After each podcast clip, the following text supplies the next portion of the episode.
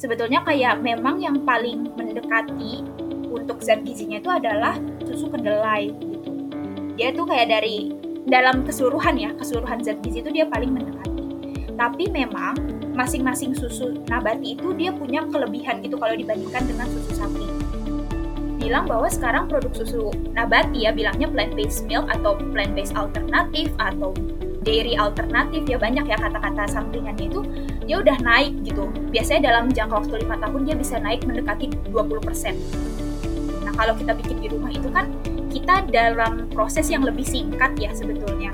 Nah itu hmm, beda gitu dengan yang tadi bisa ditambahkan di kalau misalnya kita di pabrik gitu. Kalau di pabrik itu dia ada proses penambahannya sendiri dan itu memang ada regulasinya gitu.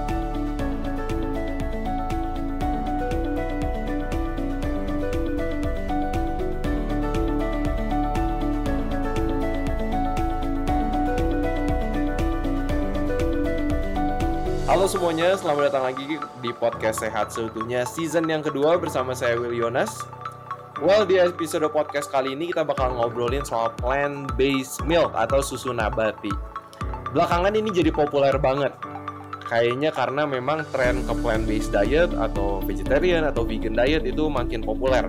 Uh, bukan cuma di luar negeri tapi di Indonesia juga. Nah, tapi yang menarik kalau ngomongin soal plant-based milk atau susu nabati ini adalah saya pernah ngobrol dengan teman saya di Amerika yang udah menjadi seorang vegetarian atau plant based atau vegan uh, sejak lama banget gitu ya sejak 9 uh, 1970-an, 1980-an dan di tahun-tahun itu plant based milk itu hampir nggak ada. Uh, tapi mungkin kalau misalnya kalau kita ngelihat beberapa negara Asia misalnya contohnya salah satunya adalah Cina atau Tiongkok, uh, mereka ini udah punya susu kedelai itu udah lama banget gitu ya tapi kayaknya kalau kita lihat sekarang kita di tahun 2021, kita lagi rekaman ini, uh, itu beragam banget untuk uh, plant-based milknya gitu. Ada oat milk, ada cashew milk, ada almond milk, ada soy milk, ada sunflower seed milk. Uh, pokoknya macam-macam banget kreasi yang udah dibikin uh, dengan susu nabati ini. Well, tapi mungkin pertanyaannya yang perlu kita tanyakan adalah, uh, apakah susu ini, susu-susu nabati ini, ini bisa menggantikan susu sapi? Uh, apakah nutrisinya sama dan ini yang bakal kita jawab atau kita bahas ya di dalam episode podcast kali ini. Kita bakal bahas topik ini dengan narasumber kita, seorang ahli gizi yang tamat dari Universitas Indonesia atau UI. Saya kenal beliau ini uh, di acara Walk Talk Jakarta Vegan Guide di tahun ini, tahun 2021, dan uh, seru banget uh, bisa kenal narasumber kita hari ini. Dan kayaknya kalau saya ngeliat Instagramnya juga, kayaknya selain uh, ya di bidang nutrisi ya pastinya. Tapi juga kayaknya ini pencinta alam juga nih ya. Kayaknya kalau ngelihat IG fitnya ini semuanya soal hiking naik gunung dan teman-teman bisa lihat nanti uh, Instagramnya. Well tanpa menunda-nunda waktu lagi saya mau welcome Nabila Andrawina ke podcast Hai. ini. Setelah halo Nabila. Hai apa kabar nih Baik, baik, kabar baik. Um, thank you banget sih udah diundang datang ke podcast Sehat Seutuhnya ini. Sebenarnya aku harus ngasih tahu bahwa aku yang justru fans berat dari Sehat Seutuhnya. so, oh wow. Ya. Yeah. Thank kayak, you, thank you so much. Jadi kayak bisa ngobrol di Sehat Seutuhnya tuh kayak uh, impian kenya jadi kenyataan gitu buat aku justru. thank you. That's that's awesome. It's such a pleasure to have you. Uh, seneng banget karena uh, bisa ketemu ahli gizi ahli gizi muda juga yang memang uh, senang banget passion banget untuk uh, sharing knowledge tentang uh, health education ya pastinya. Uh, gimana nih sekolah gizi Dewi? Are you happy excited dan udah udah mau tamat nih? Kita rekaman Nabila udah mau tamat banget. Gimana nih?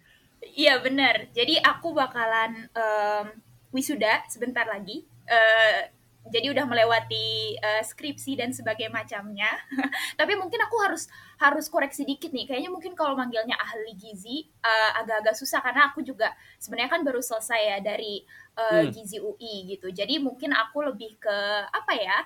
I'm more of a scholar sih dibandingkan uh, expert gitu ya. Jadi mungkin hari ini kita bisa ngobrol-ngobrol uh, gimana tadi tentang plant based milk dan um, sebenarnya dari sudut pandang gizi itu gimana gitu. Um, right now karena aku lagi menunggu wisuda ya aku juga sebenarnya lagi menikmati hidup pasca kampus sih.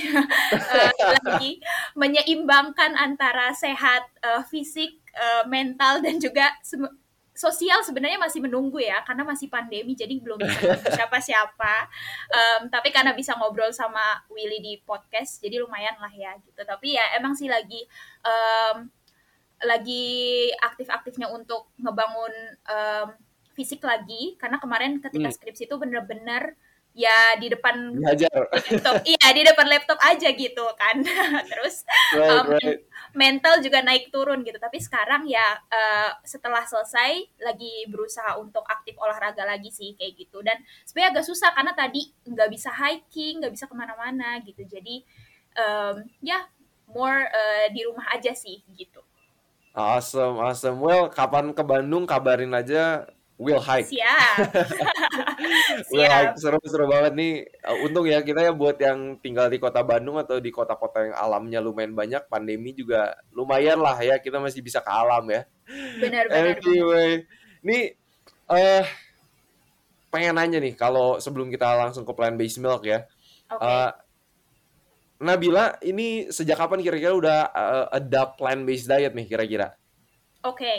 Um, sebenarnya kita sempat ngobrol tentang ini sedikit ya. Jadi aku aku sendiri sebenarnya baru kenal dengan plant based diet itu um, sebenarnya officialnya adalah 2019. Uh, hmm. Waktu itu aku ikut salah satu acara. Aku boleh shout out kan ya? Um, aku ikut salah satu boleh acara. banget, boleh banget.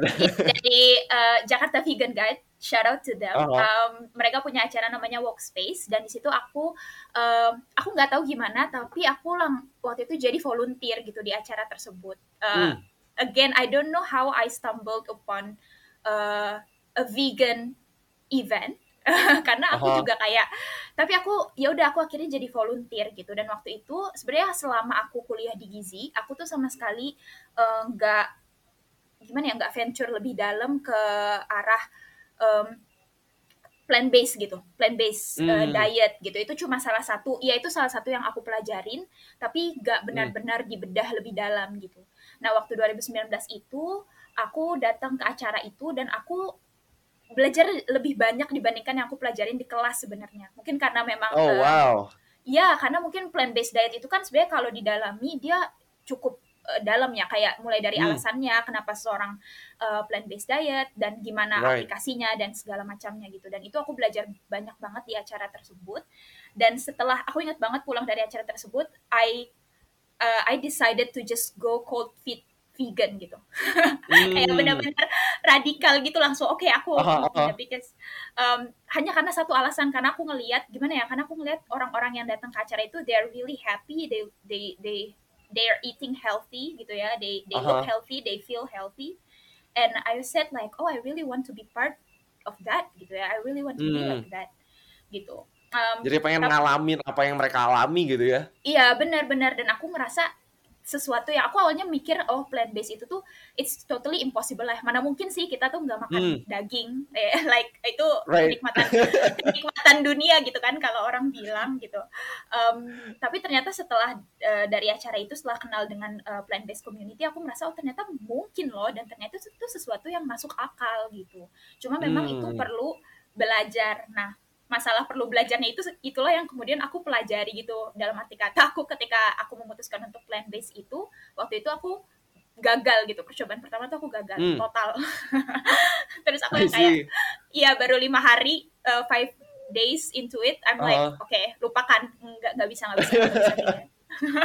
Um, dan ternyata um, aku abis itu uh, itu bulan apa? Bulan Oktober. Aku lupa tapi itu 2019 dan 2000 um, 20-nya itu aku acara aku datang lagi ke acara vegan waktu itu screeningnya hmm. game changer dan oh, situ aku iya okay. benar dan di situ aku basically I fell in love for for, for the second time dan memutuskan untuk oke okay, aku akan coba lagi but this time I will take it I will take it slowly gitu maksudnya ya kalau misalnya hmm. aku gagal um, misalnya nggak sengaja nggak sengaja or something ya I will just uh -huh. keep doing gitu dan basically sejauh ini kayak gitu sih lebih ke kayak um, tetap belajar dan tetap apa ya ber, ber, berasal ber, berdasarkan kemampuan aku juga untuk misalnya riset tentang uh, nutrisi hmm. atau tentang gizi aku jadi belajar banyak tentang itu gitu dan jujur sebenarnya pandemi ini cukup um, sulit sebetulnya untuk mempertahankan gaya hidup itu ya karena aku tinggal juga dengan Hmm. keluarga yang em, masih mengkonsumsi eh, hewani gitu. Tapi Hmm. eh, makanya aku lebih suka kalau misalnya aku dipanggilnya plant based mungkin dibandingkan vegan karena Hmm. aku takutnya nggak bisa fully responsible gitu dengan kata itu tapi Hmm. setidaknya I think it's good to make a change dan selalu uh, it's very good to just be mindful aja sih about what you eat gitu kayak gitu Right. kalau dari aku Awesome, awesome. That that, that is really cool. Uh, nah ini hari ini kita bakal ngobrolin soal plant-based milk. Kayaknya emang uh, ini lagi Oke. ngetren banget. Uh, kayaknya oat milk gitu ya, uh, dari cashew milk, Mhm. almond milk, pokoknya jadi rame banget gitu. Ini kalau Nabila sendiri favoritnya apa nih dari susu nabati? aku sebenarnya suka banget em, aku suka banget yang oat eh, sorry soy Really? milk Oh, Iya, soy tapi milk, yang oke. tapi yang multigrain. Uh, I will not Oke. name the brand, but I I I like it because it's creamy kalau aku.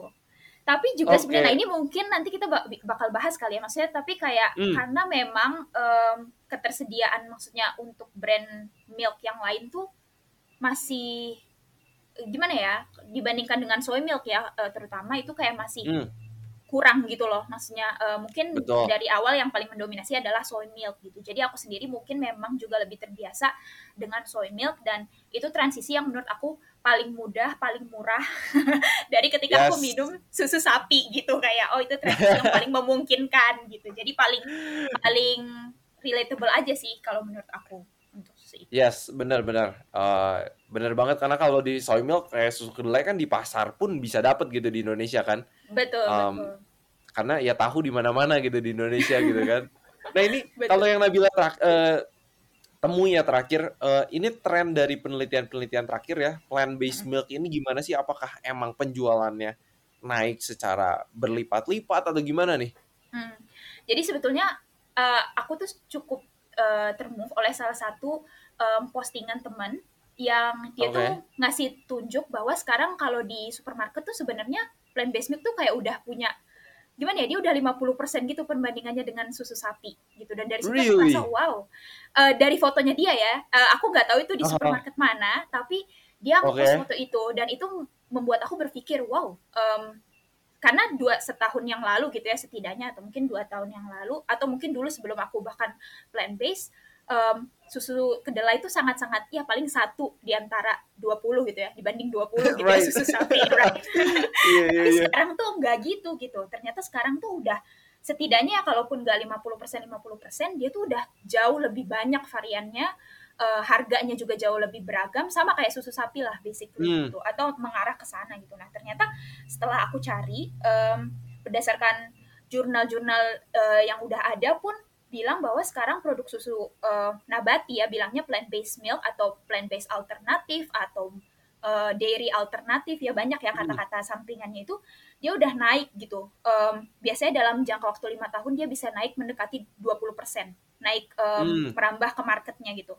kalau dari Oke. 2013 ke 2017 dia naik 17% dan itu sebetulnya kalau aku lihat itu jauh lebih besar bahkan dibandingkan perkembangannya em, meat substitute atau daging analog gitu jadi kayak Oh, menarik. Iya, bah, berarti itu kan menunjukkan bahwa sebenarnya susu ini dia komoditinya jauh lebih em, gimana ya mudah gitu loh di- didapatkan oleh orang gitu Hmm. dibandingkan tadi ya em, meat analog gitu atau pengganti daging gitu. Hmm. Nah, kalau dari em, jurnal-jurnal jurnal-jurnal itu banyak banget dia yang membahas di Amerika dan Eropa. Tentunya sebenarnya bukan Hmm. karena bukan karena plant based milk itu paling banyak di sana, eh, tapi memang karena di sana itu dia lebih terdokumentasi dengan baik dan dia juga lebih eh, Yes. cepat dalam uh, hal riset gitu ya. Nah, kalau untuk Hmm. Amerika dan Eropa sendiri memang di tahun 2020 aja dia di Amerika dia udah 13% plant based milk itu dari keseluruhan market untuk em, minuman gitu. Hmm. Sementara di Eropa dia udah 18 sekitar 8% gitu kan. Itu kan menunjukkan bahwa Wow. sebenarnya iya itu udah men- menunjukkan itu udah banyak banget gitu loh dan itu jauh berkembang dari em, sebelum-sebelumnya. Nah, itu di diestimasi dalam jangka waktu dari 2016 sampai 2025, jadi sekitar 10 tahun dalam jangka waktu Oke. satu dekade itu dia meningkat tiga kali lipat gitu. Wow, Jadi- that's a lot. Iya, maksudnya adalah masuk akal dong tadi kalau misalnya keluar foto-foto seperti oh sekarang di supermarket udah uh, udah ada aisle-nya sendiri loh gitu kayak right, udah ada right, right. lorongnya sendiri untuk plant based milk gitu karena ya hmm. bayangin aja dia perkembangannya tiga kali lipat gitu dalam satu dekade dalam satu dalam lima tahun dia bisa berkembang berarti kan sekitar um, satu setengah kali lipat gitu kan ya dari dari dia yang dulu dari dulu hmm. gitu. jadi, jadi emang right. dia meningkat banget gitu ini ini Dan, menarik sih karena aku inget banget pas aku 2019 pulang ke Indonesia aku uh, main ke supermarket gitu kan main ke supermarket belanja sama mama dan aku ngeliat gitu aisle yang jual susu sapi itu banyak banget gitu. Uh, memang yang aku perhatiin juga tergantung supermarketnya lokasinya di mana. Karena aku perhatiin kalau kayak di kota Bandung kalau supermarketnya dekat atau di daerah yang banyak orang asing uh, memang plant based milk jauh lebih banyak. Karena mungkin orang asing lebih lebih kenal gitu kan. Iya, uh, mungkin harga juga nanti kita bakal ngobrolin cuman harga juga lebih terjangkau buat mereka gitu kan. Um, karena mungkin mereka kerja buat perusahaan asing dan dibayar pakai dolar, who knows gitu kan. Cuman uh, memang kalau aku perhatiin di supermarket supermarket yang uh, mungkin di daerah bukan yang lebih banyak orang asing, uh, plant based milk alternative ini nggak nggak sebanyak kalau di supermarket yang di lingkungan orang asing juga. Tapi Betul. definitely aku aku ngelihat banget kalau di supermarket yang untuk orang asing pun jumlahnya jenisnya mereknya jauh lebih banyak sekarang. Iya benar. Maksudnya jauh jadi kan baik dari dia supermarket biasa gitu ya, maksudnya di daerah hmm. yang um, misalnya mayoritas adalah orang Indonesia gitu ya, hmm. ataupun tadi uh, supermarket yang misalnya dia uh, lebih lebih tinggi dalam hal maksudnya dia mencapai orang-orang dari luar negeri misalnya atau misalnya um, ekspatriat atau ses, or, or something gitu ya itu right. sama-sama berkembang gitu maksudnya intinya dan hmm. itu bisa hmm. kelihatan um, kalau kita mungkin yang kelihatan dari mata adalah uh, tadi variannya, banyaknya, harganya hmm. mungkin nanti juga kita bakal ngobrol. Tapi kalau ya sebentar dan berdasarkan data pun ya memang mereka juga penjualannya meningkat gitu. Dan sebenarnya itu okay. menarik menarik karena gimana ya di di itu tuh bersamaan gitu loh dengan terjadinya penurunan um, apa ya bukan penjualan susu sapi ya tapi konsumsi susu sapi secara general di global dan juga dengan pengembangan produk uh, susu yang lain gitu maksudnya dari tadi hmm. misalnya dari susu kedelai berkembang jadi susu almond susu um, oat milk gitu ya susu, uh, rice milk dan sebagainya macamnya dan juga berkembang juga dengan produk turunan susu itu itu market yang sama besarnya gitu loh dengan susu itu sendiri hmm. gitu karena kan kalau kita lihat produk turunan susu sapi keju mentega itu dia udah dia besar gitu kan right. um, dan itu sama gitu potensinya ke depannya dengan um, dari yang uh, turunannya adalah plant based uh, milk gitu kayak gitu. Oke oke iya ya benar-benar kayaknya uh, memang sekarang aku juga ngeliat mulai makin bermunculan ya kayak ada uh, coconut yogurt, ada soy hmm. yogurt, hmm. ada almond hmm. yogurt dan lain-lain gitu. Ini Iya, uh, turunan ya, turunan dari ini dan inovasi-inovasi teknik pangan semua gitu ya.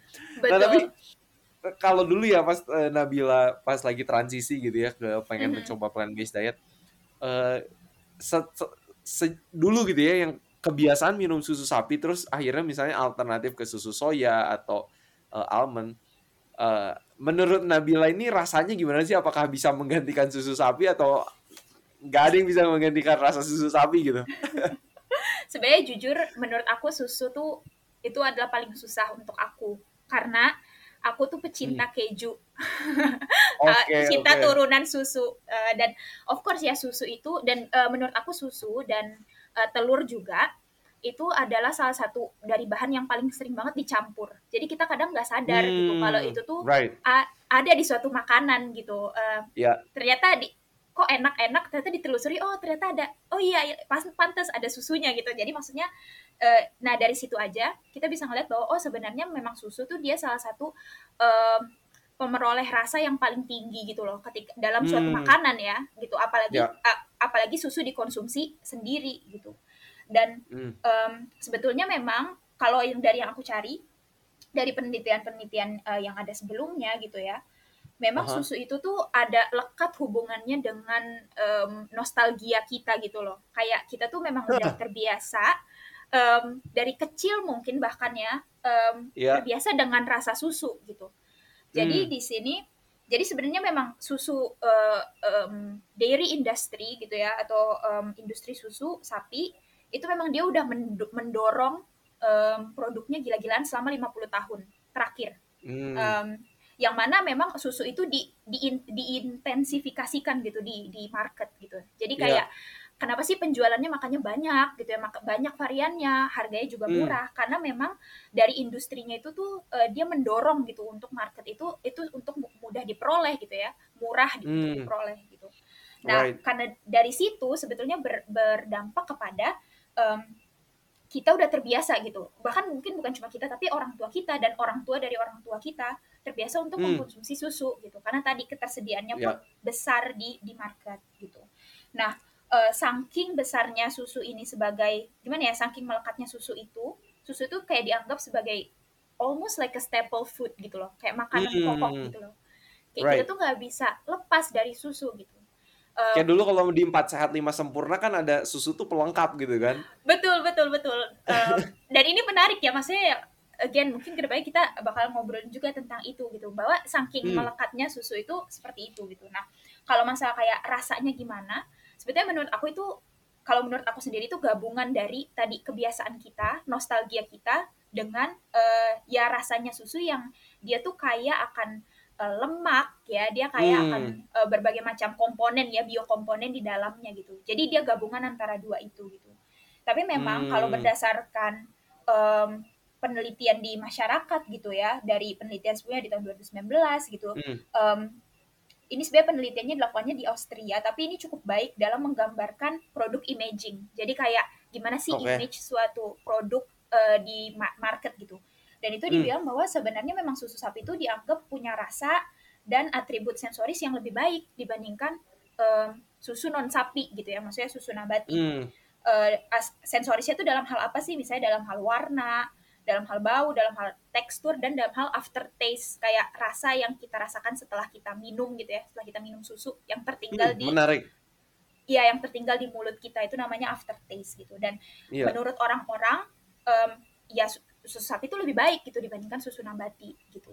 Nah itu tadi mungkin ada juga hubungannya dengan eh, jurnal yang lain.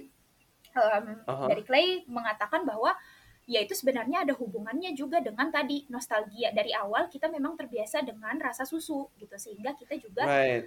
bergantung dengan itu gitu. Em, tentunya tadi juga dengan komponen biokomponen yang ada di dalamnya. Hmm. Itu sih. Jadi kalau memang kita dari kecil kayak udah dikasih susu sapi gitu kan maksudnya. Ya kita udah Benar. familiar banget dengan itu gitu kan. betul. Itu itu itu menarik banget sih poinnya kayak nostalgia gitu karena kayaknya bahkan buat aku sendiri sampai sekarang karena aku tuh dulu dari kecil dari kecil tuh pencinta susu sapi dan aku bisa Oke. minum itu banyak banget susu sapi banyaknya banyak banget dan aku juga dulu pencinta keju gitu kan dan Benar benar benar. ya itu ada apa ya ada nostalgianya gitu Betul Dan- betul betul. menarik menarik tapi mungkin banyak banyak banget yang eh, yang ya itu ya yang sudah terbiasa dari kecil dengan susu sapi ketika kita bikin misalnya vegan dessert eh, Mhm. dengan susu soya atau dengan susu yang lain em, mereka yang memang rutin minum susu sapi mereka Susu tetap sapi. bisa bilang gitu ini ini ada rasa yang beda nih gitu kan benar benar benar benar dan eh, ya biar gimana pun eh, gini susu itu kan datang berdasarkan bahan pangannya kan bahan apa yang Hmm. ada di bahan utama yang ada di dalam susu tersebut Eh, kita Hmm. juga nggak bisa menafikan bahwa di dalam susu nabati misalnya kita bilang susu kedelai susu soya gitu ya Hmm. ya kedelai itu dia punya aspek eh, langu gitu dia ada rasa rasa tersendiri kalau kita makan kedelai dia kan Hmm. ada rasa rasa kalau orang sih kalau orang bahasa Inggris orang Inggris bilangnya dia beanie gitu loh beanie flavor kayak dia tuh kerasa Hmm. banget dia tuh kacang-kacangannya gitu basically iya iya iya, iya. emang itu udah ada gitu itu melekat pada melekat pada kedelai gitu Em, dan itu Hmm.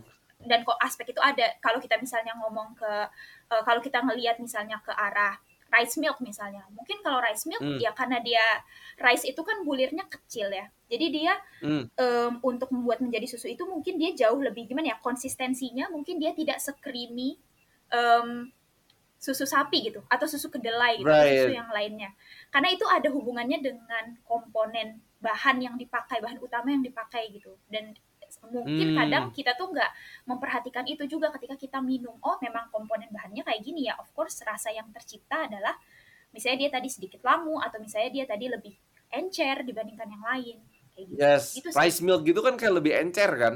Betul. Kayak kita kan itu kan kelihatan ya. Itu sesuatu yang kita bisa Itu ngelihat. kayak air banget sih. Iya benar. benar benar.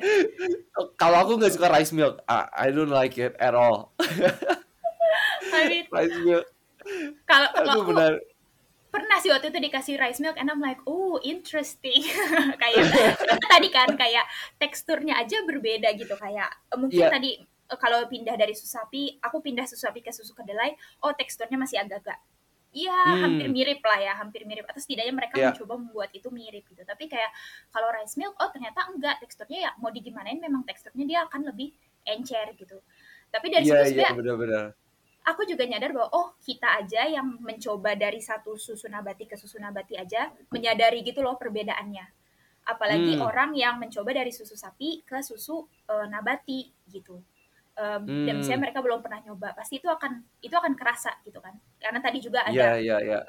efek kebiasaan juga gitu tentang eh, dengan rasa susu sapi gitu sih.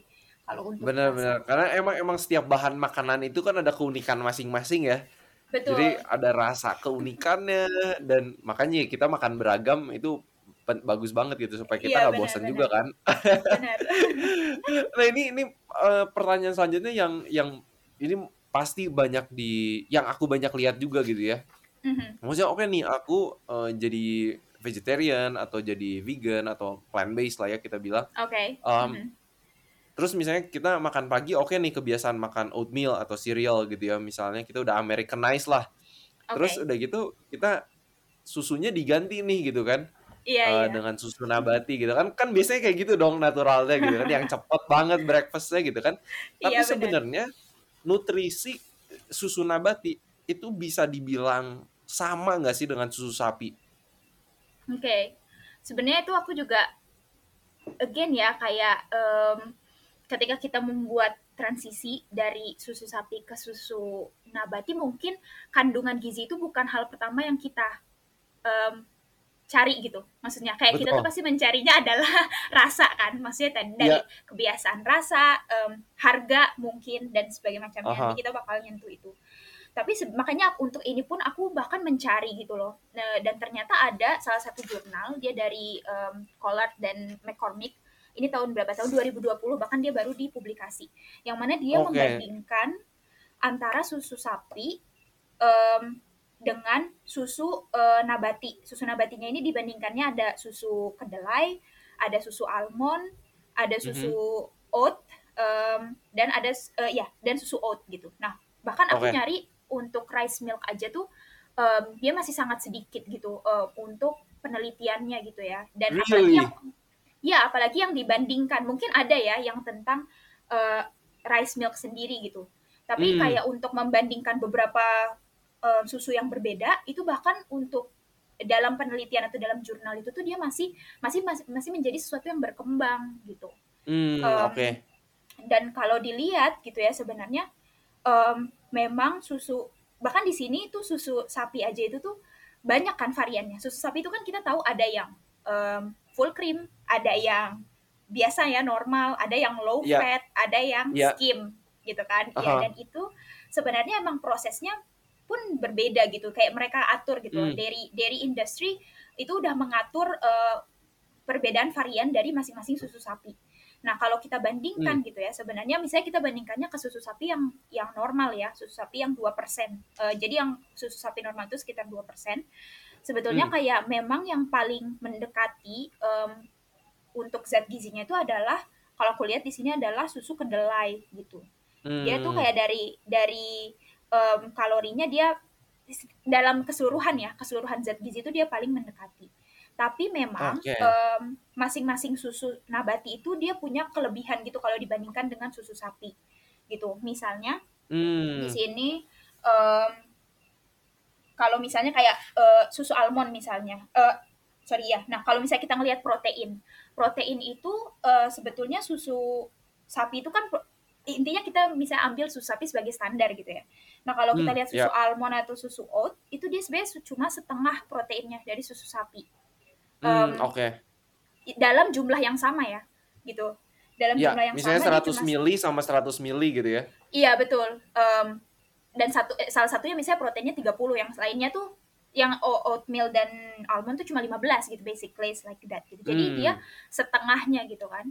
Em, Oke. Kalau kita lihat dari lemak dari sudut pandang lemak em, sama. Nah kalau dari sudut pandang lemak ini susu kedelai, susu almond dan susu oat, susu nabati basically dia memang setengah dari susu sapi gitu. Oke. Jadi betul. Jadi em, dari situ aja kan ada ada ada perbedaan tuh kan berarti dari protein. Kalau protein tadi susu kedelai itu hampir sama dengan eh, susu sapi kayak gitu. Oke. Jadi kalau Hmm. yang pengen butuh nyari protein lebih ini ya Benar. lebih pilihnya susu kedelai gitu kan. Nah iya, nah di situ itu menurut aku menariknya ya kayak itu menurut aku seninya tuh adalah di situ Em, kayak Hmm. berarti itu kan sesuai tergantung dengan kita butuhnya apa gitu. Kalau misalnya kita Right. Butuhnya untuk eh, reducing fat ya atau weight loss gitu ya, ya mungkin kita Hmm. harus minumnya susu susu nabati lebih baik gitu dibandingkan susu sapi karena tadi dia setengah Hmm. setengah em, lemak dari susu sapi gitu ya. Tapi Right. kalau misalnya kita butuh untuk muscle building, eh, mungkin akan lebih baik kalau kita minumnya tadi kalau kita tetap mau susu eh, nabati, berarti kita susu kedelai yang mendekati susu sapi gitu ya misalnya Hmm. kayak gitu. Em, dan itu juga cuma protein dan lemak doang, nggak cuma makronutrien doang, tapi mikronutrien pun eh, mikronutrien itu adalah zat gizi yang kecil.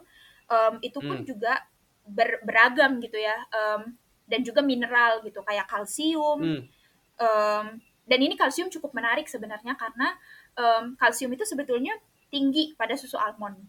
Tapi Yes. em, itu ada hubungannya mungkin dengan fortifikasi atau kayak penambahan kalsium pada susu almond gitu. Jadi Hmm. memang mm-mm, jadi memang sebetulnya itu tuh sangat bervariasi kalau kita lihat berdasarkan tipe susunya gitu. Bener, bener itu itu menarik banget ini eh, teman-teman yang lagi dengar podcast eh, yang memang sudah lagi transisi ke susu nabati mungkin ya atau banyak mencoba juga eksplorasi. Eh, Ini penting banget karena eh, ya itu ya semua macam susu nabati itu ada keunikannya masing-masing dan kalau dibandingkan eh, susu sapi juga ya tadi ya dari proteinnya dari yang lainnya. Nah tapi yang menarik tuh tadi yang eh, Nabila mention gitu soal fortifikasi. Karena Betul. kayaknya fortifikasi ini kan menambahkan gizi ya ke Betul. ke kepada produk tersebut gitu. Eh, nah kadang kan apa ya kadang ini ya orang oke kita beli almond milk gitu di super di supermarket gitu kan. Oke. Eh, tapi kadang kan suka ada yang prefer oke let me make my own al- almond milk gitu kan bikin sendiri nih di rumah gitu kan. Eh, apakah zat gizinya bakal sama? Nah kira-kira gimana nih? ini tuh ini again ini menarik banget karena aku ngerti aku bisa mengerti gitu loh kenapa orang-orang juga mulai uh, buat susu nabati di rumah ya Hmm. gini ya uh, kelebihannya susu nabati adalah kita nggak harus merah sapi that's the Yeah. point right kayak kita nggak kayak like we can basically buy a few ingredients kita bisa beli beberapa bahan dan kita bisa buat Hmm. sendiri gitu dan of course kalau dilihat dari costnya atau dari biayanya dia lebih cost efektif gitu kayak dia lebih Iya. mungkin lebih murah gitu dibandingkan kita beli em, susu dari luar gitu ya baik itu susu nabati atau Hmm. susu sapi gitu cuma Ya. memang em, eh, dilemanya adalah tentang fortifikasi jadi mungkin kalau untuk teman-teman yang ngedengerin dan belum tahu fortifikasi itu apa memang fortifikasi itu tuh sebetulnya adalah em, menambahkan suatu zat gizi ke eh, dalam suatu makanan tertentu gitu ya Eh, Hmm. zat gizinya ini utamanya adalah mikronutrien atau zat gizi yang eh, kecil Eh, kayak misalnya vitamin dan juga mineral gitu. Kenapa? Hmm. Sebetulnya dan ini sesuatu yang aku percaya banget. em, sebetulnya nggak ada makanan di dunia ini tuh yang em, nggak mengandung semuanya gitu. Karena nggak ada yang Right. mengandung semuanya, jadinya ada beberapa makanan yang kalau dia dikonsumsi secara massal, secara publik, eh, dia lebih baik kalau itu di eh, fortifikasi gitu atau ditambahkan zat gizi. Hmm. Biar zat gizi itu tuh nyampe ke orang-orang yang membutuhkan gitu. Basically kayak gitu. Hmm. Em, yang paling kita tahu tuh apa sih? Garam. Itu udah paling sering Ya. lah ya gitu.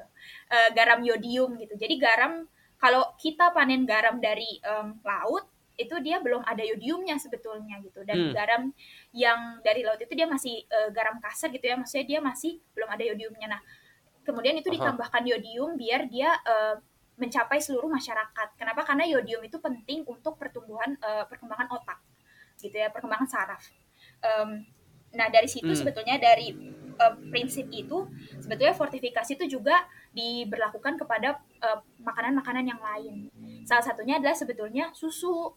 Hmm. Nah, kalau kita melihat um, sebetulnya susu uh, nabati sendiri ya, kalau kita berbicara susu nabati, hmm, dia itu memang uh, karena susu nabati itu kan sesuatu yang baru berkembang ya akhir-akhir ini gitu dan Ya. dia memang ditujukan utamanya adalah orang untuk orang-orang yang tidak mengkonsumsi hewani ya jadi memang Ya. sebetulnya market utamanya itu ap- apakah susu nabati dikonsumsi oleh orang-orang yang tetap mengkonsumsi hewani atau misalnya flexitarian mungkin tapi eh, Ya.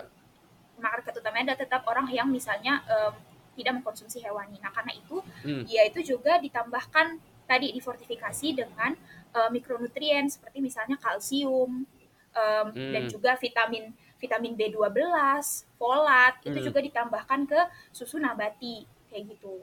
Eh, nah kalau untuk tadi jumlahnya berapa itu tergantung kan tergantung susunya masing-masing. Kalau misalnya Benar. kayak kita kita beli nih kita bikin susu sendiri gimana? Ya resikonya adalah em, dan ini konsekuensi memang em, Hmm. kita nggak membeli produk yang sudah difortifikasi gitu. Basically Ya, kayak gitu. benar-benar. Berarti kita cuma eh, berarti kita misalnya tadi membeli produk yang memang full on eh, ya dia masih em, apa ya mentah ya bukan mentah dalam arti kata apa tapi dia belum ditambahkan zat gizi yang eh, zat gizi mikro yang kita butuhkan kayak gitu. Terus Iya, pertanyaannya benar-benar. kayak gimana dong em, gimana dong kalau kayak gitu gitu kan ya Hmm. sebetulnya memang kalau yang aku temuin sendiri dari riset aku juga eh, ketika mencari ternyata banyak orang di luar sana yang ketika bikin eh, susu nabati sendiri bahkan mereka menambahkan sendiri gitu Really? menambahkan iya dan itu cukup menarik ya maksudnya ketika aku membaca itu aku yang kayak oh em, Jadi nambahin ini- suplemen gitu atau atau gimana nih? Iya. Nah, dan itu cukup menarik gitu. Dan sebenarnya ketika sebenarnya kalau fortifikasi itu tuh fortifikasi itu kan tipenya banyak ya. Ada fortifikasi yang massal yang Oh. memang dia disuruh oleh pemerintah gitu ya. Misalnya tadi garam eh, dan sebagainya macam eh, terigu, garam terigu sama em, minyak eh, minyak untuk ngegoreng gitu ya. Minyak goreng. Oke. Nah, kalau untuk fortifikasi ada fortifikasi satu fortifikasi yang namanya em, household and community fortification. Jadi household fortification itu adalah fortifikasi yang dilakukan di tingkat rumah tangga gitu. Hmm, Nah, tapi oke. menarik menariknya adalah household fortification ini tuh sebetulnya dia berbeda tipis dengan suplementasi. suplementasi Ah, Ya, kalau suplementasi itu kan kita menambahkan ya, menambahkan perorangan gitu kan ya. Em, Ya. Eh, zat gizi yang dibutuhkan kan, zat gizi spesifik yang dibutuhkan gitu. Ya misalnya kita Aha. butuhnya em, zat besi, kita suplementasi zat besi gitu kayak gitu.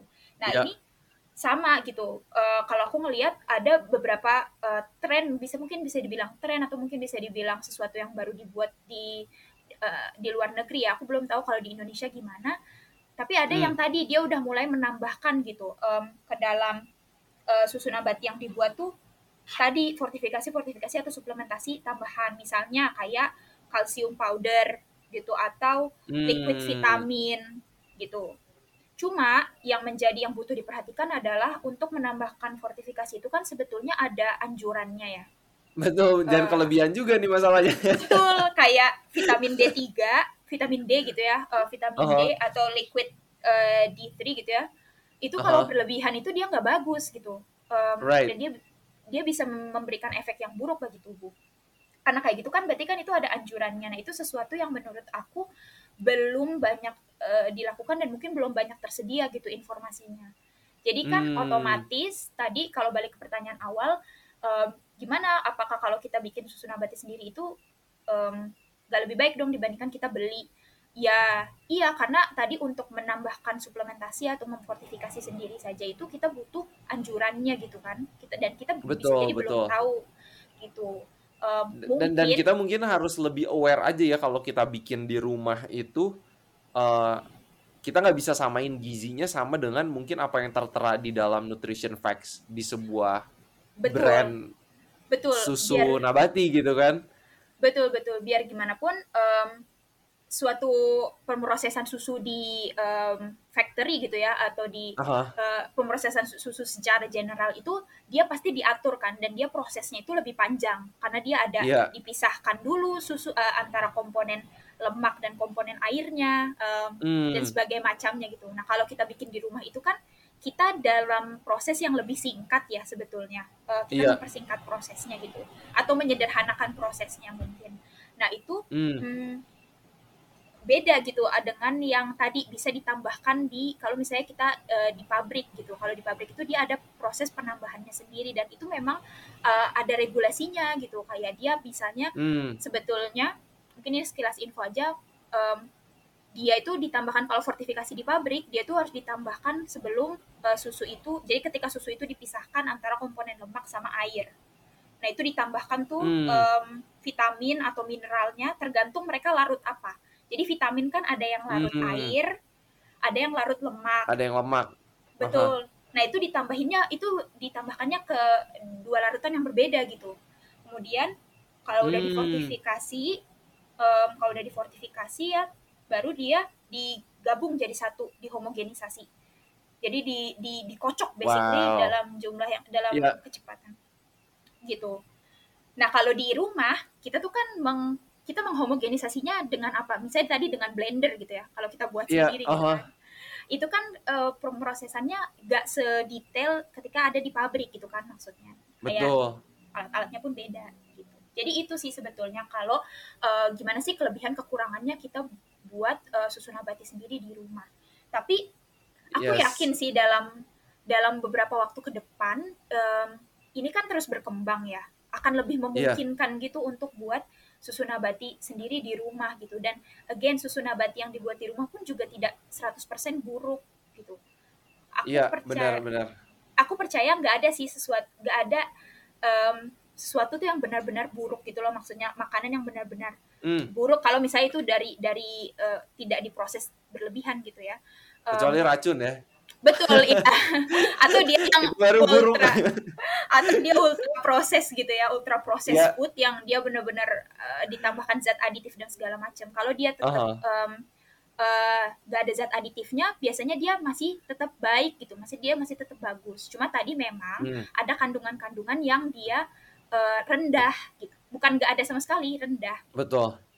Dan dan kita perlu aware soal itu ya, teman-teman yang lagi dengar podcast. Jadi eh, ini knowledge yang penting banget, eh, perlu tahu. Jadi tetap ada bedanya Betul. kalau misalnya nutrisi dari eh, susu nabati yang kita beli di supermarket eh, dengan misalnya mungkin yang dibikin di pasar, dibikin di rumah sendiri itu akan berbeda.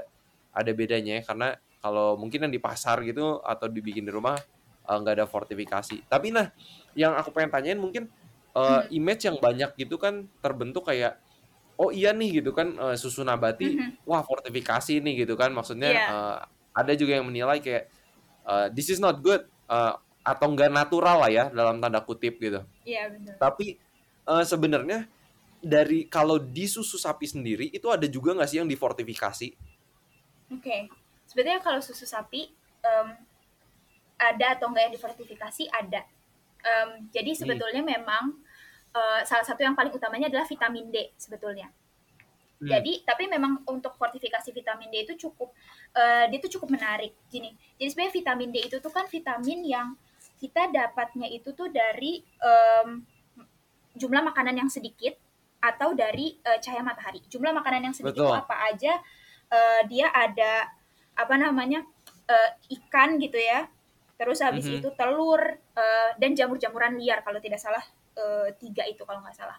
Yang Hmm. benar-benar sumber utama ya vitamin D. yang emang Uh, bener ada vitamin D-nya gitu ya Betul, yang di, di dalam makanan itu tuh ada vitamin D gitu. Kita makan terus langsung kita dapat nih vitamin D-nya gitu. Hmm. Nah, Em, tapi kenyataannya adalah sebetulnya eh, untuk daerah-daerah tertentu kita nggak kita nggak bisa eh, bergantung dengan tiga makanan tadi dong untuk vitamin D Hmm. itu gitu karena karena suat eh, karena banyak alasan gitu misalnya geografis gitu kan ya Em, Iya. ketersediaan pangannya juga tadi ketersediaan tiga bahan makanan itu ada atau enggak itu kan mungkin nggak Hmm. selalu ada gitu nah maka itu sebetulnya dari tahun sekitar 1940-an aku lupa 1940 atau 1960 em, Aha. sebetulnya terutama di daerah-daerah yang dia nggak kena sinar matahari ya dia Hmm. itu em, diberlakukan suplementasi vitamin D pada susu kayak gitu Hmm. Jadi sebetulnya suplementasi vitamin D itu tuh eh suplementasi mohon maaf fortifikasi vitamin D pada susu itu tuh udah cukup lama, terutama di daerah-daerah yang eh, sinar matahari itu tuh gak gak gak banyak gitu atau gak Nggak kayak di Indonesia tahun. lah ya. Betul, nggak kayak di Indonesia gitu. Memang vitamin D itu tadi sebetulnya vitamin D itu tuh bisa kita buat sendiri gitu dan itu ada prosesnya di dalam di dalam tubuh gitu ya. Eh, gimana Hmm. tubuh kita membuat ketika kita terkena sinar matahari dan sinar mataharinya harus UVB itu Hmm. dia masuk sinar matahari itu masuk kemudian dia ada proses endogen atau ada proses di dalam tubuh yang merubah vitamin D tersebut gitu. Nah Hmm. itulah kenapa karena nggak nggak semua daerah itu ada sinar matahari eh, all year around gitu ya kayak Indonesia dia harus disuplementasi eh di difortifikasi mohon maaf. Nah tapi Oke. Nah, kenapa untuk da- sorry untuk daerah kayak Indonesia kita kan ada sinar matahari ya all all Right. year round gitu kan. Anti. Betul. Jadi sebetulnya kita itu nggak di nggak diharuskan oleh pemerintah untuk ngefortifikasi vitamin D ke dalam susu sapi kayak gitu. Sebetulnya. Ah, oke. Tapi Tapi tapi, yang terjadi apa nih? iya, tapi praktisnya adalah karena suplementasi vitamin D terhadap susu sapi itu udah dilakukan berpuluh-puluh tahun dan itu tuh udah menjadi basically market standard gitu. Ketika kita Hmm, oke oke. Iya, itu ada namanya uh, market uh, market based uh, fortification gitu ya, yang dia tuh berdasarkan market gitu. Kayak karena itu udah standar market, dia difortifikasi, maka kemungkinan besar semua produk yang ada di market gitu ya, selama dia itu um, Hmm. legal, selama dia legal, dia itu terfortifikasi tadi suplemen di terfortifikasi vitamin D kayak gitu. Jadi Oke, sebetulnya wow ini cukup menarik ini sih. ini ini menarik ya. Tapi mungkin ini buat teman-teman juga buat apa ya? Aware ya maksudnya eh maksudnya ada juga yang punya pandangan gitu karena ini susu nabati misalnya ditambahin macam-macam lah ya Betul. fortifikasi yang lain gitu tapi susu sapi juga bukan yang nggak ada fortifikasi gitu ya Betul. dan itu ya sekali lagi fortifikasi ini kan untuk kebaikan masyarakat gitu Betul. Em, kayak kayak fortifikasi eh, folat ya B6 kan itu kan untuk eh, mencegah spina bifida gitu kan Betul. jadi emang karena waktu itu wabah eh bukan ya heboh lah ya maksudnya banyak kasus spina bifida jadi wah ini kurang B, eh, B6 nih gitu kan folat jadi ya ditambahin gitu kan. Betul. jadi kalau kayaknya kalau di sereal ya kalau di Amerika sendiri sih wah fortifikasi sih makanan bayi gitu sih udah banyak banget ya sama untuk zat besinya untuk folatnya untuk wah banyak banget ya pokoknya. Eh, Iya, ya betul. untuk untuk public Dan- health gitu.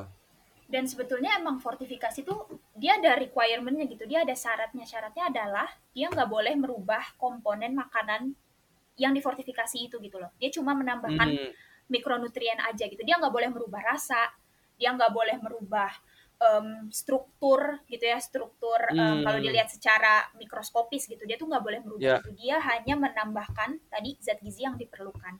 Karena kenapa? Nah requirement yang lain adalah makanan yang difortifikasi itu sebetulnya harusnya makanan yang dia dijangkau oleh publik. Jadi dia mass gitu ya makanan yang massal hmm, gitu dengan tujuan tadi kayak biar biar nggak eh, biar nggak ada mikronutrien eh, malnutrition bilangnya MNM gitu ya. Jadi mikronutrien Hmm. malnutrition itu kayak kekurangan zat gizi tertentu. Misalnya anemia. Yang paling sering adalah anemia. Eh, tiga yang paling Hmm. sering anemia eh, kurang zat besi kurang yodium dan kurang vitamin A. Kayak gitu. Itu itulah Hmm. tujuan awalnya sebenarnya fortifikasi itu. Jadi sebenarnya apakah fortifikasi itu jahat Em, sebetulnya enggak karena tadi dia menambahkan zat gizi yang dibutuhkan dan sebenarnya kalau dilihat dari susu sapi pun dia ada fortifikasinya yaitu vitamin D kalau dari susu nabati karena dia untuk eh, kelompok tertentu gitu ya tadi misalnya kelompok Hmm. plant based ya dia juga ditambahkan kalsium sehingga tadi levelnya sama gitu dengan susu sapi gitu. atau Hmm. bahkan mungkin lebih baik gitu kayak gitu dengan Ya. tujuan itu sih sebenarnya Oke oke ini ini menarik ya menarik banget nih buat teman-teman semoga insightful banget conversation kita hari ini aku sendiri eh, seru banget ya belajar banyak eh, hal baru juga dari semua proses fortifikasi dan lain-lain.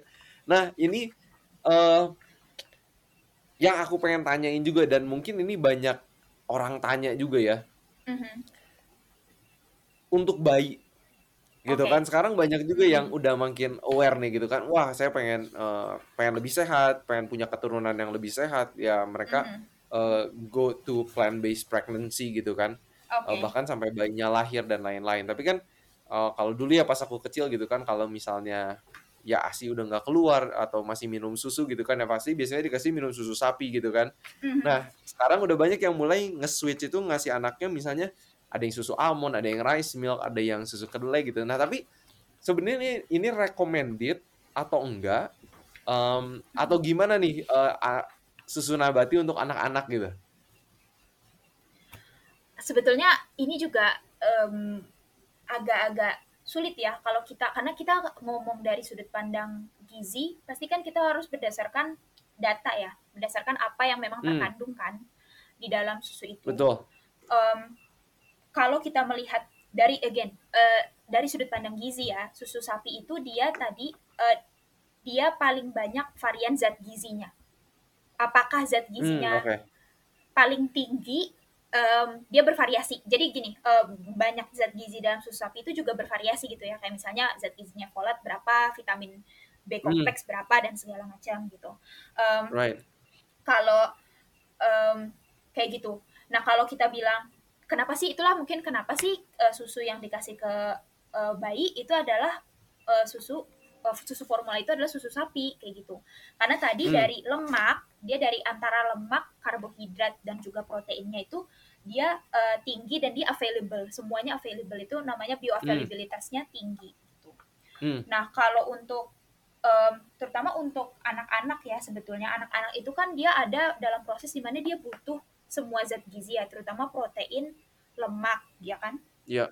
Em, nah itu tuh itu menjadi pertanyaan gitu. Em, gimana kalau misalnya dia susu nabati? Karena sudah jelas memang kalau secara kandungan susu nabati itu tadi dia masih dia masih lebih rendah dibandingkan susu sapi kayak gitu. Hmm.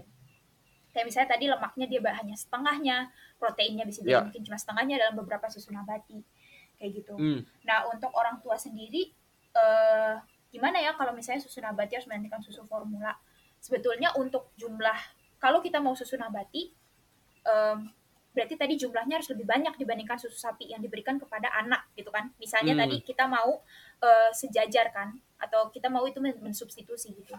Dan Betul. tapi, tapi di sisi lain kita juga harus melihat dong kemampuan si anak ini bisa nggak ya makan minum sebanyak itu Perutnya perutnya masih kecil perutnya kem- perutnya kembung nggak ya gitu kan ya itu kan Right. satu pertanyaan yang masuk akal gitu kan ya sebetulnya Aha. jadi eh, mungkin kalau ditanya bisa atau enggak mengganti formula menggantikan susu nabati kalau form susu formula saja tidak eh susu nabati saja tidak bisa gitu Hmm. kalau memang misalnya mau susu nabati menggantikan susu formula dan again ini aku bukan berbicara sebagai expert tapi setidaknya apa yang aku ketahui gitu ya Em, Hmm. ya susu nabati itu ya berarti harus ditambahkan tadi entah itu dia diberikan suplementasi atau Hmm. dia eh, ditambahkan dari eh, makannya dan sebagainya macamnya Iya. gitu karena berdasarkan zat gizi yang udah ada di dalamnya memang dia belum bisa menyamai itu gitu. Atau belum bisa sebanyak se-available itu gitu. Varian gizi, zat gizi yang ada di dalam susu nabati gitu. Dan itu sesuatu yang harus kita akui gitu.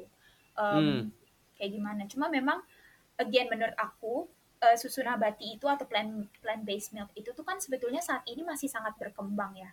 Eh, Hmm. I, I think in the next few years di dalam beberapa tahun ke depan bahkan ketika kita berbicara ini pun susu nabati itu tuh sedang dikembangkan dan nggak Right. menutup kemungkinan susu nabati ke depannya akan dikembangkan untuk anak-anak entah Hmm. tadi dengan cara em, dengan cara suplementasi atau fortifikasi gitu ya atau Hmm. juga dengan cara misalnya eh, pengentalan misalnya or, or something gitu ya yang membuat tadi jumlahnya dalam jumlah yang sama nih dalam 100 ml susu sapi 100 ml susu nabati bisa sama nih basically kayak gitu atau setidaknya mendekati gitu ya itu mungkin Yes. itu akan itu berpotensi besar gitu loh ke depannya gitu. Cuma memang Hmm. untuk saat ini dia masih ada di tahap di mana dia butuh diteliti lebih jauh gitu dan kita kan nggak bisa berbicara tanpa data gitu. Jadi em, Yes. sebisa mungkin ya kita harus mengerti bahwa oke saat ini memang memang sebetulnya dalam susu formula itu masih eh, yang dibutuhkan untuk anak, tapi mungkin ke depannya itu bisa menjadi alternatif kayak gitu. Yes, jadi ini buat teman-teman yang lagi dengar podcast ini perlu banget ya aware soal ini. Jangan kita juga eh, mungkin kita udah lagi punya anak kecil, tapi kita juga mungkin buta nutrisi gitu ya. Eh, tapi pengen ya semua intentionnya baik lah ya. Maksudnya orang tua pasti Betul. pengen anaknya lebih sehat gitu kan. tapi jangan sampai intention kita yang baik taunya anaknya malah jadi kurang gizi dan itu nggak bagus juga jadi uh, orang tua kalau misalnya lagi belanja uh, lihat susu nabati atau belanja apa pun ya coba mulai perhatiin informasi nilai gizinya gitu kan Betul dan banget. Uh, bener banget yang kayak kayak Nabila bilang gitu. Ini kalau kalau kita ngelihat aja uh, anak-anak di usia yang masih membutuhkan empati gitu kan. Empati kan kalau anak-anak komposisinya emang lemaknya harus lebih banyak gitu kan dibandingkan dengan kita yang dewasa. Uh, dan itu Betul. perlu diperhatiin gitu. Jangan sampai ya itu ya intention yang baik akhirnya malah uh, anak nggak dapat cukup nutrisi. Menarik banget nih. Ini ini seru banget. Uh, kayaknya apa ya? Karena makin banyak ya orang yang maksudnya aware orang-orang tua muda yang um, pengen gitu ya uh, langsung anaknya untuk di plant based diet dan untuk untuk sehat dari kecil gitu kan jadi it's cool it's it- keren itu keren banget dan sebetulnya Nah, kalau aku boleh ini- boleh nambahin, boleh nambahin nggak, Kak? boleh boleh banget Sebetulnya juga itu sih tadi aku juga mengerti banget kalau misalnya orang tua itu oh udah pingin plant based gitu ya dari dari sejak em, anaknya kecil dari eh, balita. Hmm, Karena itu sesuatu yang ada pertimbangannya gitu, ada ada dasarnya gitu kan ya. Tapi memang Iya. tadi em, dalam hal mak- makanya dalam hal susu ini tuh juga itu menjadi suatu eh, pertimbangan yang menarik menurut aku dan menurut aku nggak ada yang salah dengan try to approach em, health professional gitu loh. Jadi kayak Yes. tenaga gi- tenaga ahli gizi yang kita bisa konsultasi one on one. Karena gini, masing-masing Hmm. orang itu kan beda ya. Kayak em, satu orang dengan orang yang lain meskipun dia misalnya sama-sama vegan atau sama-sama plant based, dia kebutuhannya beda. Nah, Hmm. kalau kita punya kalau kita bisa approach ahli atau tenaga gizi eh, untuk konsultasi masalah kita secara khusus gitu ya, terutama tadi misalnya Hmm. untuk ibu hamil dan ibu hamil eh, dan si ibu ini adalah plant eh, plant based dieter gitu ya atau plant, eh, adopt plant based lifestyle itu akan lebih terarah gitu. Kayak yes kenapa sih pertimbangannya misalnya misalnya ya kalaupun dia harus minum susu sapi misalnya dia hanya enam bulan pertama misalnya kayak gitu sisanya Hmm. mungkin bisa di catch up dengan tadi makanan eh, pendamping ya makanan tambahan mungkin nanti makanan Hmm. keluarganya juga bisa lebih beragam kayak gitu tapi Ya. ataupun misalnya kalau dari tenaga ahlinya ternyata bilang oh bisa kok dari susu nabati tapi tadi misalnya ada em, regula eh, pola pola tertentu nih yang harus diikutin misalnya kayak betul berapa kali gizinya dihitungin dulu gitu ya Betul ya kayak berapa kali dia nyusu dalam sehari ini harus harus tercapai nih gitu ya eh, jumlah Iya, iya, nyusunya gitu basically kayak gitu. Itu kan juga sesuatu yang dia customize ya berarti dia tuh eh, disesuaikan gitu ke masing-masing orang dan menurut aku itu nggak apa-apa gitu. Jadi kalau aku boleh Iya. menambahkan untuk em, ya, ibu hamil di luar sana atau ibu yang punya anak kecil dan misalnya eh, adopt plant based lifestyle, it it doesn't hurt gitu loh eh, to call eh, health professional gitu ya or nutrition professional yes ahli gizi untuk konsultasi secara langsung gitu. Karena bukan sebenarnya bukan nggak bisa, bisa tapi tadi ada penyesuaian yang harus kita uh, lakukan. Sama seperti kita ketika Yeah. kita mengadopt uh, plant based lifestyle ya, kita menyesuaikan dengan apa yang sebelumnya kita tahu gitu. Kayak gitu. betul betul ini ini penting banget teman-teman jangan apa ya kadang aku ngeliat di Indonesia itu kita belum ada kebiasaan uh, untuk Betul. pergi ke ahli gizi gitu Betul. Kalau kayak di Amerika yang aku lihat tuh kayak orang udah biasa gitu pergi ke ahli gizi ya dan emang ya minta tolong gitu kan karena emang kita butuh pertolongan gitu. Betul. Oh mereka udah sekolah gitu kan udah belajar gitu gizi dan lain-lain. Ya, Kayak kita butuh bantuan mereka dong. kayak bingung dikit tuh langsung nanya gitu kan ya. Kalau kita tuh kayak sebenarnya kita bingung kita nanyanya ke mana, terus kita jadi nanya ke eh, apa internet mungkin ya, dan itu justru malah Right. lebih malah lebih bingung lagi sebenarnya karena di internet tuh banyak banget informasinya dan kadang tuh counter eh, satu sama lain gitu. Jadi menurut aku it doesn't Yes. it, it doesn't hurt gitu kalau kita mau ke ahli gizi dan kita nanya gimana ya kalau saya kayak gini gini gini gitu. Kayak gitu. Yes, bener banget. Dan mereka pasti pasti pengen banget bantu untuk Betul. anak ya kita untuk apa ya untuk untuk sehat dong gitu kan. Ya itu Betul. Emang tugas eh, That's apa their ya? job. Exactly gitu kan. Pasti kan pengen pengen pasiennya sehat dong gitu. Pengen anaknya sehat dong. Jadi pasti mereka juga eh, akan melakukan cara bantu hitungin eh, nilai gizinya eh, supaya supaya bisa gitu. Untuk yang terbaik untuk bayi. Ini ini menarik banget. Jadi buat para orang tua ini take notes ya. Atau ya calon orang tua lah ya. Take notes juga. Ya walaupun menarik juga aku ada beberapa teman juga yang memang dari kandungan ada yang udah vegetarian dan mereka ada yang atlet renang, Iya, uh, dan atlet renang Indonesia gitu malah. Jadi kayak oke dan itu menarik juga keren nih. ya dan, dan dan dan itu keren dan gimana ya dan itu bukan sesuatu yang oh nggak boleh gitu nggak boleh hamil atau nggak boleh punya anak kalau kita plan base gitu ya berarti Aha. em, 10% populasi Asia Pasifik nggak nggak punya anak gitu kan nggak mungkin kan ya Jadi, eh, berjuta-juta orang nggak punya anak kan maksudnya ya ya itu nggak bukan sesuatu yang em, gimana ya bukan berarti kita tuh harus memilih gitu loh antara plan base atau tadi misalnya membesarkan anak gitu no it's um, itu tadi sesuatu yang bisa kita sesuaikan gitu dan uh, sebenarnya gampang itu cuma dengan ketemu dengan orang yang tahu tentang itu gitu dan kita tanya lebih jauh Yes. gitu. dan itu pasti bisa Benar. menurut aku sih bisa sebetulnya apalagi next in the Benar. next years it will be more possible gitu loh karena akan berkembang terus deh untuk plant based milk ini and I'm pretty sure about that Oke oke menarik banget. Dan dan mungkin juga banyak orang tua yang mikir anaknya pengen ditransisi ke susu nabati ini karena eh, emang anaknya tuh punya lactose intolerance gitu ya. Nggak bisa mencerna laktosa yang ada di susu sapi dari kecil Betul. dikasih susu sapi tapi malah ya buang air terus gitu kan. Betul Ya, betul. repot juga gitu kan. Maksudnya ya diare lah atau apa konstipasi ada yang konstipasi. Em, ya jangan diterusin gitu kalau emang itu meng- apa ya menghasilkan masalah lah ya jadi cari solusi Betul gitu. nah ini ini pertanyaan terakhir nih em, Mhm. buat buat Nabila nih. Lebih bagus minum susu nabati atau makan makanan nabati aslinya? Uh, aduh pertanyaannya menarik dan dan gimana Jadi- ya dan Em, sebetulnya ya kalau yang pernah aku pelajari sendiri em, memang makanan yang paling dekat dengan bentuk asli itu dia paling em, baik sebetulnya hmm Kenapa? Karena karena eh, dia komponen fisiknya, struktur fisiknya dan juga kandungan gizinya itu paling eh, sedikit berkurangnya gitu. Kayak dia hmm dalam bentuk yang paling utuh gitu, basically hmm gitu. Nah, tapi em, sebetulnya ketika kita meng- mempro, kita tuh kan memproses suatu makanan gitu ya atau kita mengolah suatu suatu bahan makanan itu kan dengan tujuan kita bisa eh, daya terimanya lebih baik gitu kan ya. Misalnya susu susu. Em, mungkin kalau kita langsung makan oat gitu ya atau tadi kita langsung makan almond satu satu gelas kita harus langsung makan kita makan almond gitu ya basically misalnya misalnya ya. Em, Hmm. dan itu gak gampang gitu untuk di- dikonsumsi semua orang Kenapa Hmm, dia dirubah dalam bentuk susu? Karena dia untuk meningkatkan daya terima gitu. Em, hmm jadi kayak kalau sebenarnya misalnya lebih baik yang mana? Mungkin ketika kita makan almond yang utuh gitu ya, misalnya atau eh, tadi eh, bahan pangan nabati yang utuh, dia akan lebih bagus karena dia paling paling utuh gitu kandungan gizinya.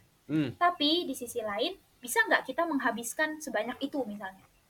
Yes. Em, itu kan juga harus kita pertimbangkan gitu.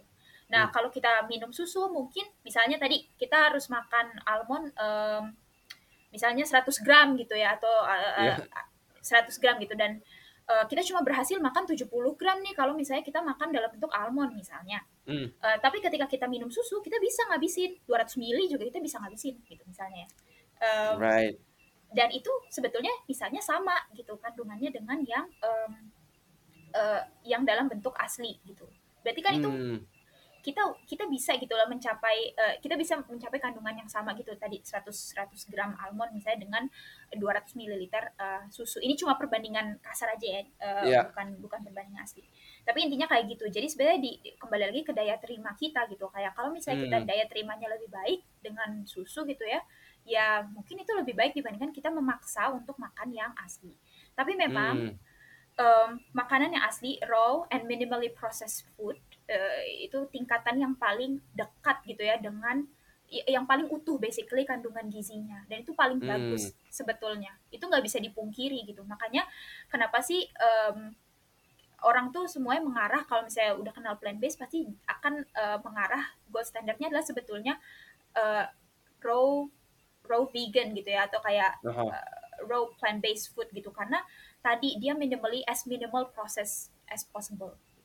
Tapi Hmm. perlu kita ketahui juga bahwa pemrosesan itu tuh nggak serta merta selalu buruk kecuali kalau dia pemrosesannya sudah ultra ultra proses. If it's minimally processed seperti susu, susu tuh sebetulnya antara mini- minimally processed food dan processed food antara itu sebetulnya. Hmm, between ya masih jadi bukan proses juga gitu ya. Betul, betul, betul. Kayak semakin banyak dia ditambahkannya, mungkin dia akan lebih mengarah ke proses food gitu ya. Right. Um, tapi semakin misalnya dia uh, jadi sebet, nah susu itu sebetulnya emang agak dia ada agak gray area gitu kalau dalam hal prosesan. Karena kan susu yang kita ketahui itu kan mau susu sapi, susu nabati itu kan dia diproses ya. Kayak tadi ada homo, yeah. dia dipasteurisasi, dia dan dan diolah dan segala macamnya kayak gitu ya untuk susu sapi misalnya. Uh -huh. Susu nabati juga dia di dihomogenisasi, dia di, dicampur gitu ya satu sama lain gitu bahan-bahannya. Yeah. Itu itu proses, itu proses gitu. Tapi apakah proses itu um, baik atau buruk atau tidak? Ya kalau dia tidak berlebihan, dia tidak ultra proses. Um, dia hmm. tidak ditambahkan zat-zat aditif yang banyak ya dalam jumlah banyak um, banget dia sebetulnya masih baik dan dia masih menja bisa menjadi dasar um, diet yang seimbang gitu ya pola makan yang seimbang hmm. kayak gitu itu sih yang menurut aku perlu kita kita pahami dan aku setuju banget tadi kayak katanya Willy bahwa uh, coba lihat deh kalau misalnya kita belanja lihat label AKG itu tuh kesukaan aku. Hmm. kayak aku tuh kadang kalau ke supermarket I spend uh, more than 15 minutes gitu ya. Kayak kadang tuh melihat itu satu-satu gitu. Dalam arti kata bukan apa sih um, tapi dalam arti kata kita tahu gitu loh. Dan menurut aku itu bagian dari being mindful gitu loh hmm. apa yang kita makan gitu. Terhadap apa yang kita makan. Kita tahu oh dalam susu kita tuh ada ini loh. Oh susu kita tuh ini loh sebetulnya dicampur dengan ini gitu kayak gitu dan itu right. akan ketahuan di situ gitu dia diproses benar, seberapa benar, benar. seberapa jauh sih kayak gitu Benar benar benar. Ini ini menarik banget karena ada yang pernah juga uh, ngomong ke aku gitu kan. Uh, well, kayak bayi gitu kan masih minum ASI. Itu kan pas mereka nggak punya gigi gitu kan. Uh, well, kita kan adult semua ada gigi gitu. Ngapain kita minum uh-huh. susu lagi gitu kan. But, uh, tapi tapi menarik banget uh, sudut pandang dari Na Nabila ya. Uh, bahwa memang tergantung purpose-nya juga nih kalau kayak misalnya kita mau dapat misalnya dapat protein lebih banyak nih kita uh, makan soy. Uh, ya soy milk proteinnya bisa uh, misalnya sama dengan let's say 100 gram kacang kedelai yang misalnya kita bikin sup atau apa gitu kan. Tapi mungkin makan 100 gram kacang kedelai kita udah bergas duluan gitu kan. udah fibernya udah terlalu banyak dan lain-lain. Tapi kalau jadi soy, pro, uh, soy milk, proteinnya dapat tapi kan kita nggak bergas gitu kan. Jadi sekali lagi itu apa ya? Bentuk makanan tertentu juga ada tujuannya. Betul. Uh, makanya kalau aku sendiri aku senang banget pakai istilah whole food plant based diet iya benar uh, dengan tujuannya untuk menyarankan seasli mungkin bentuknya seutuh Betul. mungkin seminimal mungkin prosesnya itu yang yang oke okay banget gitu kan itu idealnya lah ya. Itu kayak targetnya gitu. Yeah, that's, that's the gold standard gitu loh. Kayak oh kita emang semua mengarah tuh ke sana gitu. Tapi kayak of course on the way there kayak um, tadi itulah kenapa ada ada produk-produk kayak plant based milk ya karena tadi untuk memudahkan jalan kita ke sana hmm. gitu.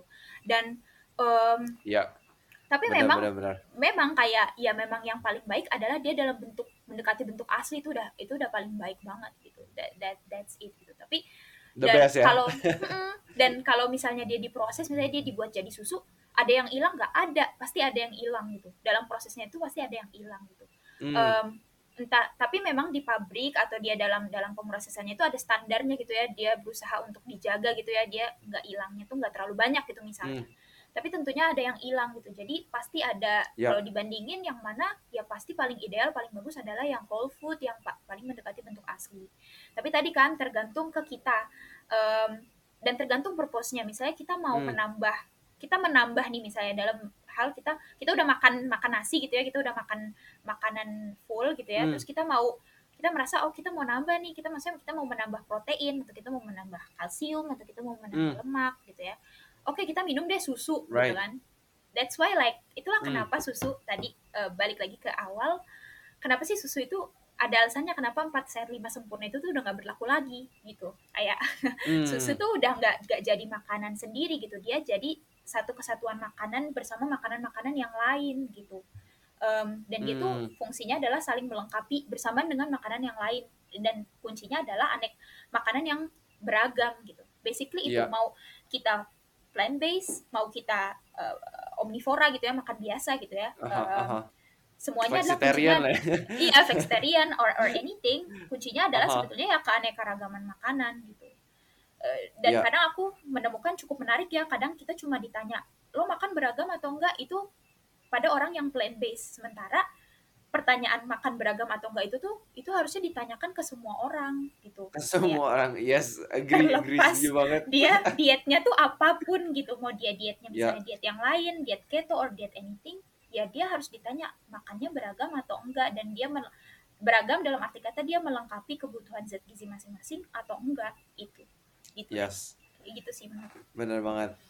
Oke, ini teman-teman yang lagi dengar podcast sehat seutuhnya, semoga episode podcast ini membuka wawasan kita semua, eh, menjawab judul podcast kita gitu ya, apakah susu nabati ini bisa menggantikan susu sapi? Eh, jawabannya udah dijabarin tadi, teman-teman ambil konklusinya. Em, dengan kebutuhan masing-masing, kalau misalnya bingung dan lain-lain, cari ahli gizi yang bisa membantu teman-teman. Eh, apakah untuk anaknya, untuk kalau misalnya untuk mencapai target tertentu gitu ya, lagi bodybuilding atau apa pun lah ya. Eh, cari ahli gizi, cari expertnya, jangan pusing sendiri. Eh, mintalah bantuan orang yang memang bidangnya gitu. Oke. Nah, kira-kira dari Nabila sendiri ada ada closing statement gak nih buat eh, teman-teman yang lagi dengar podcast? Hmm, closing statement mungkin sebenarnya tadi udah terlalu banyak kali ya yang disampaikan. mungkin bahkan kayaknya pendengar sehat seutuhnya juga udah pusing sendiri gitu ya. Tapi intinya sebetulnya em, kalau boleh aku bilang nggak ada sih tadi ya sebenarnya nggak ada satu makanan pun yang dia tuh paling eh, leng- eh, lengkap dibandingkan yang lain. Ada makanan yang jauh lebih baik Iya. dalam hal kandungan gizi dibandingkan yang lain, tapi sebenarnya masing-masing makanan itu punya kunci eh, atau punya eh, zat gizi yang yang utama gitu yang dia pegang dan itu Hmm. dan itu berlaku untuk plant based milk. Itulah kenapa ketika kita minum plant based milk try to be mindful bahwa masing-masing plant based milk tadi of course dari rasanya, dari sensorisnya, dari eh, karakteristiknya dia pasti berbeda dengan susu sapi eh, dan dia Hmm. ada karakteristik masing-masing berdasarkan bahan. Eh, zat gizinya pun sama gitu. Ada yang dia lebih tinggi dibandingkan yang lain. Dan gimana caranya kita ya kita seimbangkan dengan pola makan kita. Ingat bahwa susu itu kan dia cuma salah satu dari em, pendamping dari makanan kita yang lain gitu. Ya utamanya kita tetap Hmm. makan, utamanya kita tetap seimbangkan dengan makanan kita Eh, yang yang seimbang dan juga yang beragam gitu. Eh, if anything, aku berharap sebetulnya dengan kita ngobrol, dengan aku ngomong di sehat seutuhnya, dengan kita ngobrol bareng eh, Willy, orang-orang tuh jadi lebih terbuka gitu loh. Eh, aku bukan expert, aku eh, bukan profesional yang udah berka- berkarya berpuluh-puluh tahun, jadi mungkin akan berbeda kalau kita cari dari sudut pandang yang lain. Nah, coba eh, aku minta banget untuk teman-teman yang lain juga yang mendengarkan ini, try to search from many different sources gitu ya. Dan tadi kalau kita nggak tahu, kita tanya ke ah- ah- ah- ahlinya gitu. Eh, Biar gimana pun ini kita membuka pembicaraan sih, kita membuka membuka diskusi biar ke depannya ini masyarakat tuh sebetulnya lebih tahu gitu tentang plant based milk dan tentang plant based lifestyle in general. Kayak gitu sih. Yes. Awesome, keren banget. Eh, teman-teman buat yang eh, lagi dengar podcast sehat seutuhnya, jangan lupa share ke teman-temannya mungkin yang lagi coba plant based lifestyle eh, atau plant based diet eh, atau yang berusaha mungkin untuk hidup sehat dan mungkin udah mulai switch nih susu sapi ke susu nabati. Eh, bisa banget untuk di-share kalau teman-teman yang eh, nge-share di Instagram story-nya tentang podcast kita, jangan lupa tag kita ya. Eh, at Wilionas, at sehat, eh, at setuhnya, udah gitu Instagram Nabila apa nih? Bilawina, at Bilawina. Angela Wina. Oke, awesome banget, keren banget. Eh, Nabila, thank you so much. Eh, seru Thank banget you. pembahasan kita, ngobrol kita hari ini. Semoga eh, kita akan undang lagi pastinya ya untuk episode-episode selanjutnya. Thank you banget, makasih banget udah dikasih kesempatan untuk ngobrol-ngobrol juga. Semoga next time bisa diskusi juga sama ya sama teman-teman semua yang ngedengerin juga tentang based yes.